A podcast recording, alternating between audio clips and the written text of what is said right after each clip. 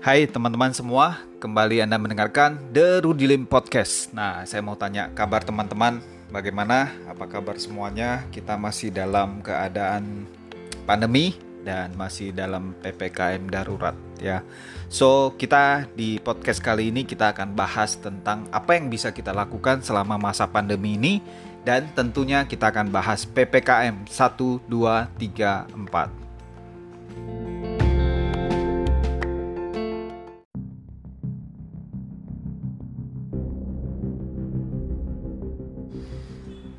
Oke teman-teman, mari kita bahas tentang kondisi pandemi pada saat ini ya. Yang saya concern adalah bagaimana kabar teman-teman, bagaimana kondisi Anda, apa yang Anda hadapi, apa yang Anda rasakan saat ini, bagaimana kondisi kesehatan Anda, bagaimana kondisi finansial dan juga mental health ya. Kalau kita bicara tentang pandemi ini, kita semua bisa tarik nafas panjang ya pandemi sudah berlangsung lebih dari hampir ya satu setengah tahun dari sejak Maret 2020 dan sampai sekarang kasusnya bukannya tambah turun kita sempat sudah turun ke 4 ribuan. Dan sekarang kita masuk gelombang kedua dan makin tinggi ya makin tinggi. Bahkan pemerintah memperlakukan PPKM darurat dan makin parah makin naik dari 20.000 naik jadi 30.000 bahkan diprediksi Pak Luhut waktu itu waktu awal PPKM darurat bahwa prediksi bisa saja mencapai 40.000 ternyata hanya beberapa hari saja dan tembus 57.000 ya. Dan sempat turun beberapa hari terakhir ini dan sekarang naik lagi. Hari ini 49.000 ya. Dan tentu artinya pandemi ini belum selesai belum berlalu ya. Apakah tesnya berkurang dan sebagainya. Tapi yang jelas kita lihat semua kondisinya saat ini uh, kita sampai nggak tahu apa yang harus kita lakukan. Ya, tentu pemerintah sudah melakukan yang terbaik dan juga uh, mencari segala cara bagaimana supaya efektif untuk Eh, menghentikan pandemi ini dan sebagainya. Nah, saya mau bahas dengan teman-teman adalah apa yang kita bisa lakukan sebagai sebagai pelaku bisnis atau sebagai anak muda atau sebagai entrepreneur sukses maupun Anda sebagai orang yang kerja di Jakarta dan sekitarnya apa yang harus kita lakukan? Apa yang kita bisa lakukan dari bagian kita? Ya, kalau kita mau pikirin pandeminya secara besar tentu itu di luar kendali kita bahkan pemerintah saja tidak mudah untuk menyelesaikan pandemi ini karena kita pandemi ini secara global dialami oleh ratusan negara dan sampai hari ini tidak ada satupun negara yang berani mengklaim berhasil menaklukkan COVID-19 ini. Ya, banyak negara yang sudah buka masker dan sebagainya akhirnya berlaku e, pakai masker kembali, bahkan ada yang lockdown beberapa wilayah dan sebagainya. Jadi lebih baik kita pikirkan apa yang kita bisa lakukan dari sebagai individu. Yang pertama tentunya kita harus memastikan diri kita sendiri sehat dan keluarga kita juga sehat. Ya, e, melihat berita apa yang saya rasakan ya di, di podcast ini saya mau sharing apa yang saya rasakan. Kita sudah lewati satu tahun ya harusnya kita sudah punya pengalaman bagaimana mengatasi pandemi ini setidaknya untuk bisa beradaptasi dengan new normal. Ya tapi sekarang keadaannya makin buruk. Kita waktu pertama kali pandemi saya enam bulan dari Maret sampai September saya di rumah saja benar-benar ikuti uh, saran pemerintah. Di rumah saja tidak ngapa-ngapain melakukan semua aktivitas kegiatan di rumah. Dan setelah itu mulai saya uh, keluar ada meeting dan sebagainya di bulan September. Uh, pertemuan kecil dan sebagainya. Dan sampai sekarang waktu mau diumumin eh, PPKM mikro, PPKM darurat, kita lihat kondisinya bagaimana wah harus nih PPKM darurat dan pemerintah akhirnya memperlakukan PPKM darurat dari tanggal 3 sampai 20 Juli 2021. Waktu satu dua hari pertama berlaku PPKM darurat, saya sempat senang. Ya, saya merasa kehadiran eh, negara, kehadiran pemerintah di mana pada saat itu dari Presiden Pak Jokowi menugaskan Pak Luhut untuk wilayah Jawa dan Bali dan juga eh, di luar Jakarta dan Bali, di luar Jawa dan Bali ada juga ya. Dan Kapolri turun, eh, Pak Bapak Panglima TNI turun untuk eh, melakukan mendisiplinkan PPKM darurat ini hadir ya. Itu saya merasa wah negara benar-benar terlibat ini kayaknya serius nih uh, sudah ada pemimpinnya yang jelas, sudah ada yang memberikan komando secara jelas dari atas. Tapi ternyata setelah 2-3 hari kita lihat di berita, kita lihat di media dan sebagainya, saya rasa kacau balau. Banyak terjadi uh, penyekatan, banyak terjadi hal-hal yang di luar. Saya nggak tahu nggak tahu benar atau salah tapi saya lihat di TV itu miris sekali. Saya lihat berita banyak yang disekat terjadi penumpukan. Di tempat penyekatan banyak terjadi penumpukan dan sebagainya. Dan saya rasa kalau bicara klaster baru yaitu bisa menciptakan klaster baru.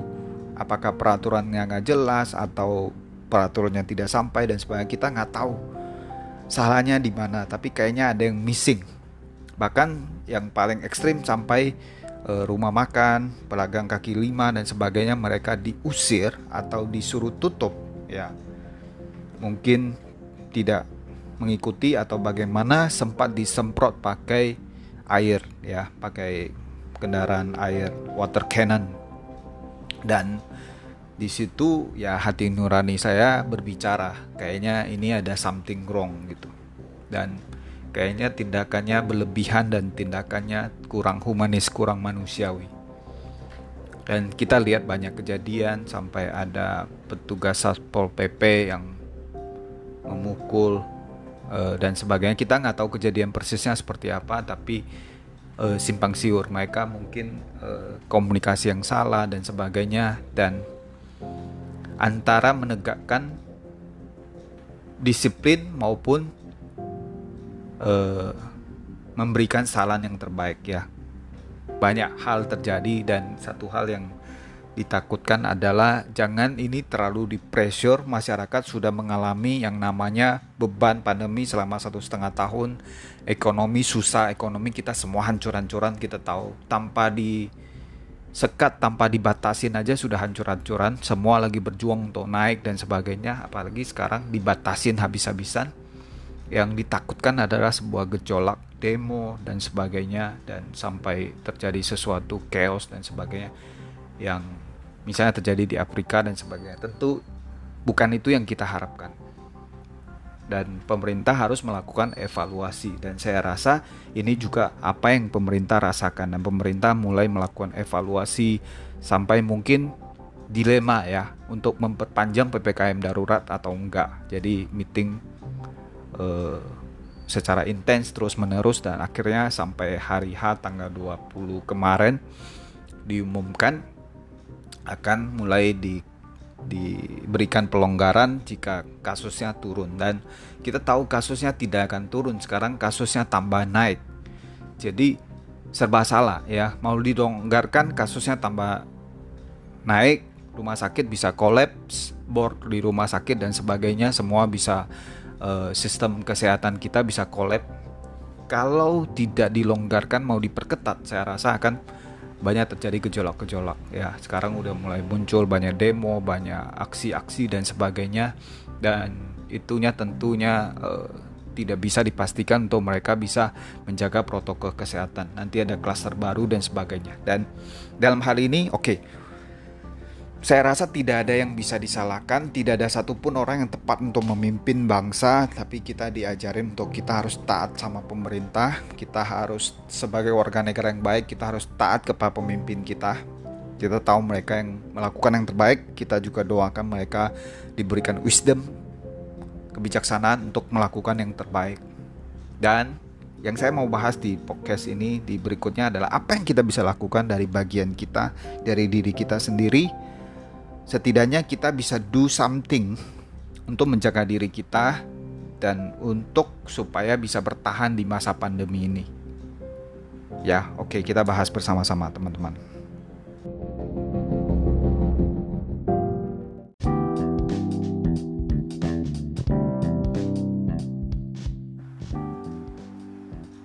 Oke teman-teman, so mari kita bahas apa yang kita bisa lakukan dari kita sebagai seorang individu dalam menghadapi pandemi COVID-19 ini. Ya, saya uh, singkat dengan istilah PPKM 1, 2, 3, 4. Jadi bukan PPKM level 1 sampai 4 tapi 1 2 3 4 ada poin-poinnya ya. Kita akan bahas bersama-sama. Satu, dimulai dari mindset, satu mindset. Jadi kita harus punya mindset yang tepat untuk menghadapi situasi pada saat ini. Dan mindset yang paling tepat yang saya pikirkan adalah kesehatan adalah nomor satu. Sekarang kita nggak bisa prioritaskan apa, kita harus prioritaskan yang utama adalah kesehatan. Artinya kesehatan itu ya tubuh kita, diri kita, kita harus sehat dulu. Jadi kesehatan itu yang pertama, yang utama, yang harus kita prioritaskan. Jadi apa pun yang kita lakukan, apa pun yang kita kita mau ke mana, kita lakukan apa pun tindakan kita, segala tindak uh, tanduk kita, segala keputusan yang kita buat kita harus fokus ke satu hal yaitu kesehatan nomor satu. Apakah teman-teman setuju? Kenapa? Satu itu kesehatan ada nomor satu. Saya selalu ibaratkan. Contoh kita berkarir, kita bekerja, kita ber, berbisnis berusaha, kita punya satu miliar, 10 miliar, satu triliun dan sebagainya, berapapun nolnya, 9 nol atau 12 nol. Ibaratnya kesehatan itu adalah angka satu, satu miliar, 9 nol satunya kesehatan, satunya itu adalah kesehatan. Jika satunya hilang, maka semua nol. Saya setuju dengan uh, Mbak Naswa Sihab ya, Mbak Nana di narasi mereka buat sebuah hashtag yaitu jangan tunggu giliran. Dan saya rasa kata-kata itu paling tepat untuk mewakili kondisi kita saat ini. Jangan tunggu giliran, teman-teman. Kita sekarang setiap hari kalau buka sosial media atau uh, WhatsApp kita dengan kabar berita duka itu setiap hari terus menerus banyak sekali kayak lagi posting makanan dan sebagainya. Jujur aja saya pribadi setiap saya buka Facebook, saya scroll pasti ada berita duka cita. Dan dari teman-teman yang kita kena dekat saja, cycle terdekat kita, yang artinya eh, yang saya akan posting turut berduka cita dan sebagainya. Saya hitung-hitung bisa 3, 4, 5 orang. Saya buka Instagram ada lagi.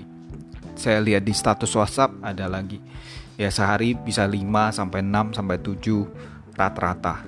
Itu terkena sama orang-orang terdekat kita, orang tua, saudara, teman dan sebagainya yang mungkin kemarin kita baru kontak, baru chat, baru ngobrol, ternyata sudah tiada. Banyak orang kehilangan orang-orang terdekat, orang-orang yang paling cintai uh, orang tua.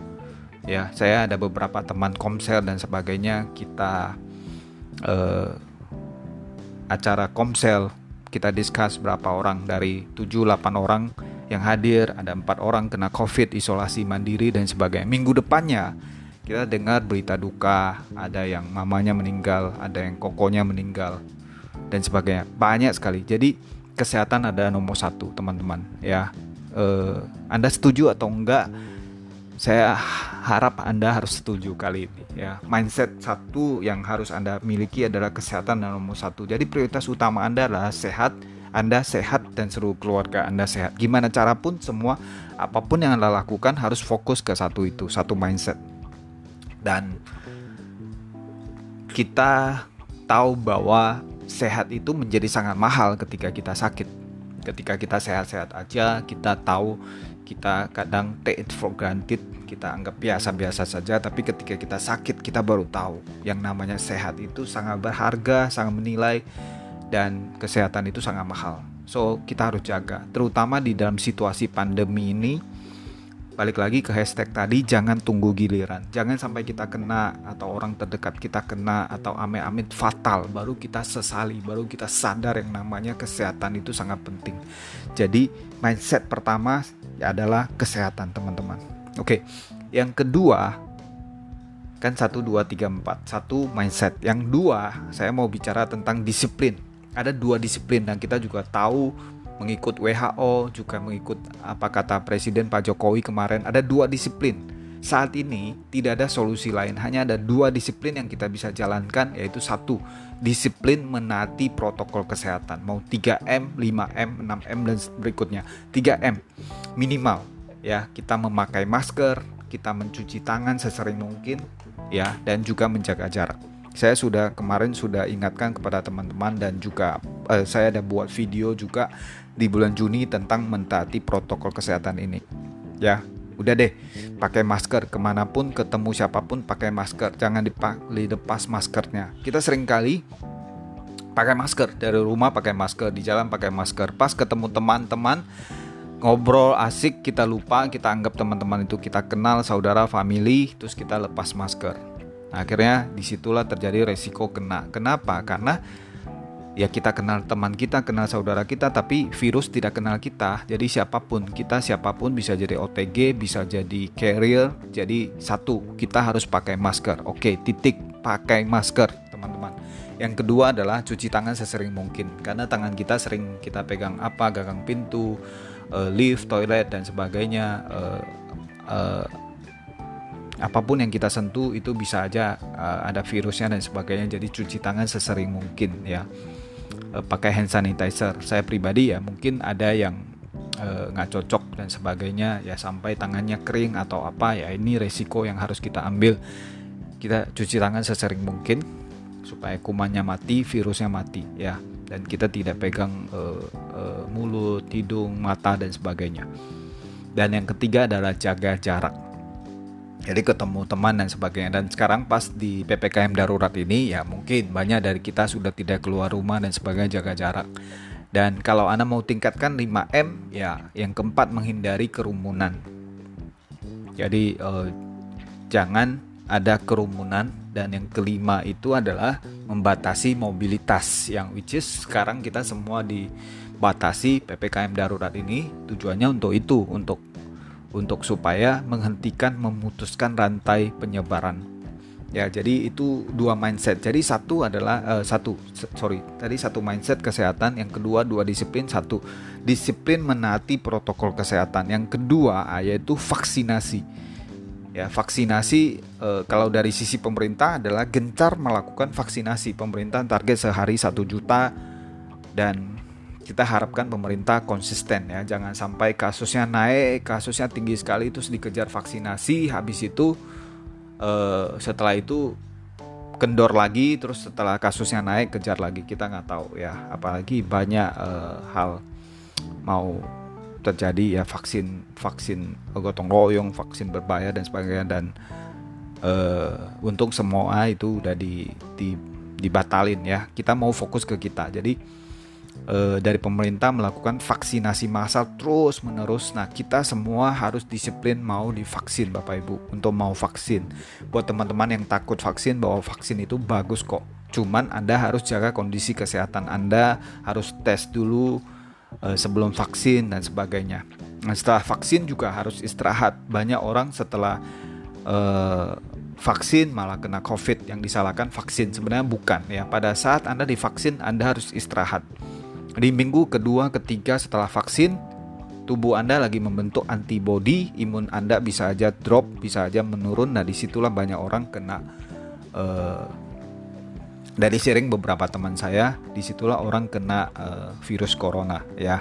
Tapi biasanya gejalanya tidak begitu parah karena Anda sudah divaksin. Jadi setelah vaksin istirahat, jaga diri Anda Ya, vaksin itu bukan berarti Anda kebal, tapi kalau Anda kena gejalanya tidak parah. Oke, jadi dua disiplin itu satu, disiplin jaga protokol kesehatan, yang kedua adalah disiplin vaksin.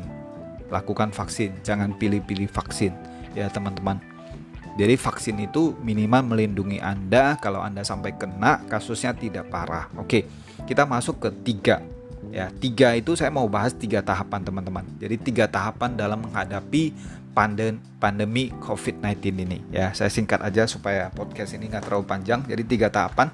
Pertama kita harus accept ya, kita harus menerima bahwa pandemi ini terjadi.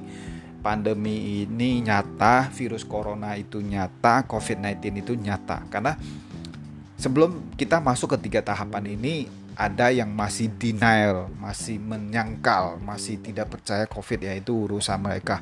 Tapi saya rasa sampai tahap ini teman-teman Anda kalau mau menghadapi bisa menghadapi ini Anda kita harus accept, kita harus terima bahwa COVID itu nyata, bahayanya nyata dan pandemi ini uh, nyata.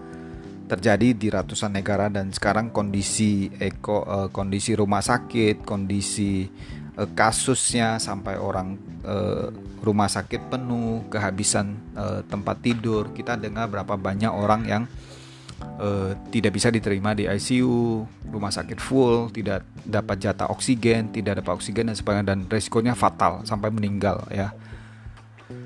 Nah itu kita harus menerima, kita harus accept, kita harus sadar banget bahwa itu real, nyata, itu uh, ancamannya nyata, accept. Yang kedua kita mulai adapt, ya adaptasi, kita mulai adaptasi. Setelah kita accept, kita mulai beradaptasi, yaitu apa?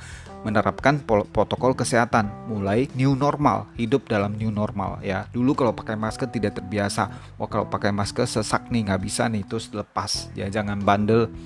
Mau nggak mau kita beradaptasi kita mulai uh, hidup dengan protokol kesehatan dengan new normal ya menjadi sebuah kebiasaan dulu kalau lihat orang pakai masker ke mana-mana aneh ya kayaknya orang ini sakit dan sekarang ke mana-mana kalau lihat orang yang nggak pakai masker itu yang aneh jadi kita harus beradaptasi kita uh, beradaptasi dengan protokol kesehatan pakai masker mencuci tangan sebenarnya membuat kita lebih baik, lebih bersih, lebih mawas diri, menjaga jarak dan sebagainya. Kita mulai beradaptasi, ya. Uh, mungkin work from home, ya. Dulu gak bisa, dulu nggak terbiasa. Sekarang kita mau nggak mau harus beradaptasi. Kita meeting pakai Zoom, kita meeting pakai Teams dan sebagainya. Banyak orang dulu menganggap ah saya nggak bisa, saya gaptek, saya uh, uh, internetnya nggak ada. Uh, apa lemot dan sebagainya. Saya rasa nggak bisa untuk kita bisa menghadapi pandemi ini kita harus beradaptasi. Kalau anda gaptek, anda bisa belajar, anda bisa tanya kepada orang yang bisa, anda install aplikasi Zoom, anda pakai uh, WhatsApp, anda pakai aplikasi dan anda belajar. Ya, saya banyak teman-teman, banyak tim saya, tim bisnis saya banyak Eh, senior, banyak orang tua, banyak yang umurnya di atas saya 50, 60 dan mereka uh, saya sangat salut ya mereka mau adaptasi, mereka mau belajar. Ada yang sampai beli laptop, ada yang beli iPad dan sebagainya, ada yang baru pertama kali bikin email, terus bikin aplikasi Zoom dan sebagainya. Intinya mau beradaptasi itu bisa kita ajarin ya. Jadi kita mau nggak mau harus beradaptasi dengan hidup new normal dan setelah kita bisa beradaptasi baru kita bisa akselerasi kita bisa accelerate nah accelerate ini adalah bagaimana kita memanfaatkan atau kita tetap bisa produktif tetap bisa uh, meningkatkan produktivitas kita di situasi pandemi saat ini akselerasi contoh kita meeting lewat Zoom dan sebenarnya itu uh, ada sisi baiknya juga. Sisi baiknya itu memaksa kita beradaptasi dengan teknologi. Bayangin dulu yang lakukan webinar, yang lakukan meeting secara online hanya berapa persen perusahaan-perusahaan besar atau orang yang bergerak di bidang digital, bisnis digital marketing dan sebagainya. Dan sekarang mendadak semua orang dipaksa, bahkan anak-anak sekolah lewat Zoom dan sebagainya. Semua lebih cepat diakselerasi memakai internet, memakai sosial media. Dan meeting lewat Zoom otomatis kita bisa mulai dari mana saja, bisa mulai dari rumah, bisa mulai dari uh, bahkan kamar tidur kita. Jadi menghemat waktu. Kalau dulu harus mandi, harus uh, uh, dandan dulu, harus transport dan sebagainya, sekarang langsung buka Zoom. Yang tentunya kita tetap harus berpenampilan yang baik dan sebagainya, menghemat waktu dan sebagainya. Terus bayangin dulu kalau kita mau meeting kita harus bersiap-siap berangkat ketemu uh, janji dan sebagainya sekarang mendadak lebih efektif dan zoomnya juga nggak usah lama-lama. 40 menit cukup satu jam maksimal kelar. Dan sehingga orang ada banyak yang jauh lebih produktif jauh lebih sibuk selama pandemi ini karena sehari bisa zoom sampai beberapa kali banyak meeting dan sebagainya. Dan tentunya Anda bisa menyaring meeting yang produktif ya, meeting yang penting-penting saja. Jangan semua mau ikut, semua meeting, semua ikut, semua divisi meeting Anda ikut, semua acara Anda ikut ya. Anda habis berjam-jam di depan komputer atau laptop juga tidak tidak baik, tidak maksimal. Jadi akselerasi ini bagaimana kita memanfaatkan kondisi saat ini, kondisi susah, kondisi pandemi saat ini, kita tetap bisa produktif, menghemat waktu, efektif, meeting dengan efektif, dan juga tentunya dalam kegiatan bisnis ya teman-teman contoh bagi anda yang bisnis dan sebagainya bersyukur kalau anda bisa online ya bisa uh, lewat online e-commerce, Tokopedia, bisa uh, Shopee, bisa pakai Gojek, GoFood dan sebagainya. Uh, ya itu Anda beruntung. Mungkin banyak orang di luar sana yang tidak belum bisa akselerasi seperti ini. Jadi kalau Anda bisa, Anda harus bersyukur. Nah, kalau juga Anda belum bisa, Anda harus berpikir. Banyak yang bisnis konvensional yang selama ini nggak online ya, Anda harus adaptasi dan bagaimana Anda bisa akselerasi di situ sering kali bukan nggak bisa tapi karena kita nggak mau ya jadi saya singkat aja kita pertama harus accept jangan di tahap nol. Itu denial jangan di accept. Tiga tahapan kita accept kita adapt adaptasi dan kita akselerasi. Sehingga kita bisa mendapatkan hasil yang maksimal ya. Misalnya selama pandemi ini Anda tetap bisa produktif Anda tetap bisa meeting uh, syukur-syukur bisnis Anda tetap bisa menghasilkan omset uh, atau bahkan omset Anda berlipat ganda atau setidaknya tetap bisa bertahan mendapatkan bisnis dan income di dalam situasi pandemi saat ini. Ya, jadi tiga tahapan tadi Anda harus lakukan dan yang terakhir 1 2 3 4 yang keempat saya mau bicara tentang kebiasaan ya, empat kebiasaan yang harus Anda miliki di dalam situasi pandemi COVID-19 ini. Satu adalah menjaga kesehatan, menjaga pola makan sehat menjaga pola makan sehat. Ini kedengarannya simple, kedengaran biasa, tapi tidak gampang karena di sini juga butuh sebuah uh, sebuah disiplin atau sebuah niat serius menjaga pola makan sehat. Jadi ya kalau orang bilang makan yang bergizi, makan yang sehat. Makan yang sehat itu Anda memilih tidak harus mahal ya. Sehat banyak perbanyak sayur-sayuran, buah, uh, yang sehat Anda mencek nutrisi yang masuk eh, karbohidrat dan sebagainya yang masuk ke dalam tubuh Anda pola makan sehat. Dan juga yang kedua adalah perbanyak aktivitas tubuh atau kita sebut olahraga. Ya mungkin dalam pandemi Anda berpikir wajib tutup dan sebagainya. Di rumah perbanyak aktivitas fisik jalan lari Anda pakai uh, ala-ala olahraga di rumah atau push up atau sit up atau squat dan sebagainya. Perbanyak aktivitas fisik yang membuat Anda tetap ada eh, olahraga dan kita tahu untuk meningkatkan imun kita dari dalam itu adalah olahraga. Ya seperti Deddy Kobusier eh, apa banyak promosikan adalah pola hidup sehat. Deddy Kobusier ada Rai dan sebagainya. Bagaimana menjaga imun kita dengan eh, menjaga dengan berolahraga berolahraga ya oke okay yang ketiga itu juga nggak kalah pentingnya yaitu tidur yang cukup. Ya mungkin di situasi pandemi ini membuat kita jadi banyak yang kaum berbahan dan sebagainya atau nonton Netflix dan sebagainya tidurnya malam-malam. E, termasuk saya kadang-kadang juga jadi harus mengingatkan diri kita untuk tidur yang cukup. Tidur minimal 6 sampai 7 jam 8 jam kalau bisa sehingga tubuh Anda bisa e, bagus dan juga bisa kuat ya sistem imun Anda kuat untuk menghadapi uh, virus dan sebagainya. Jadi tidur yang cukup itu sangat penting. Ya, dan yang keempat adalah jaga kesehatan mental.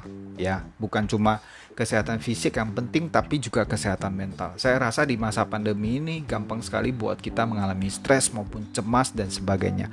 Dan itu banyak orang akhirnya depresi dan stres dan jadi tidak produktif apalagi lari ke hal-hal yang tidak kita inginkan ya. Jadi jaga kesehatan mental Anda dengan caranya apa? Perbanyak kegiatan-kegiatan yang positif ya. Misalnya baca buku, dengar musik, dengar uh, podcast atau talk show yang positif yang akan uh, memberikan Anda ide dan saran yang akan memberikan Anda eh, hal-hal uh, yang baru. Contohnya Uh, mungkin banyak teman-teman juga memulai dengan hobi yang baru ya uh, pelihara ikan tanam bunga dan sebagainya sebagainya anda bisa cari aktivitas yang membuat Anda tetap menjaga kesehatan mental Anda dan juga hobi Anda juga tersalurkan. Anda punya komunitas, komunitas doa kalau bisa, kalau Anda uh, di gereja dan sebagainya, komunitas doa, komunitas untuk bisa sharing, telepon satu sama yang lain, saling care, saling memberikan perhatian dan sebagainya. Dan saya rasa itu sangat-sangat penting ya. Jadi itu adalah empat kebiasaan yang harus Anda lakukan minimal empat kebiasaan yaitu menjaga pola makan sehat, perbanyak aktivitas fisik, dan juga tidur yang cukup dan juga jaga kesehatan mental. Oke, teman-teman.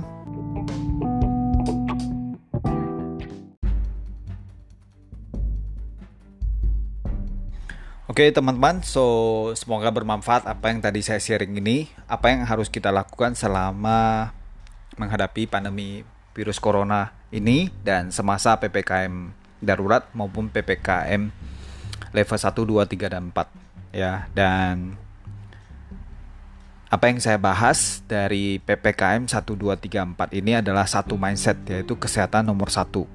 Kedua di dua disiplin, satu disiplin menaati protokol kesehatan dan juga disiplin vaksin. Kalau belum vaksin, vaksin, jangan pilih vaksin. Yang ketiga, tiga tahapan dalam menghadapi pandemi COVID-19. Pertama, accept. Ya, yang kedua, adapt, adaptasi, yang ketiga akselerasi.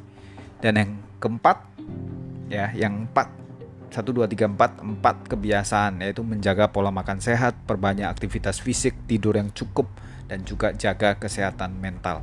Semoga uh, tips ini bermanfaat buat teman-teman. Semoga podcast ini bermanfaat. Jika Anda merasa bermanfaat, silahkan share kepada teman-teman yang lain. Khususnya di dalam situasi pandemi ini, kita harus saling support, kita harus saling mendoakan, dan juga kita saling menjaga kesehatan mental kita. Dan yang paling penting sekali lagi teman-teman semua harus jaga kesehatan uh, stay fit stay strong stay stay healthy dan saya doakan teman-teman semua kita bisa menghadapi pandemi ini. Dan kita juga sama-sama doakan semoga pandemi ini cepat berlalu. Pemerintah kita bisa melakukan kebijakan yang tepat. Dan ya kita semua berharap semua ini bisa cepat berlalu. Yang paling penting mulai dari diri kita dulu lakukan apa yang kita bisa lakukan dan kita juga semua doakan. Semoga pandemi ini cepat berlalu kita semua bisa mengambil hikmah dan pelajaran dari pandemi ini menjadikan pandemi ini sebagai pelajaran berharga dalam hidup kita. Oke sekian dari saya. Semoga bermanfaat. God bless you. God bless all. Terima kasih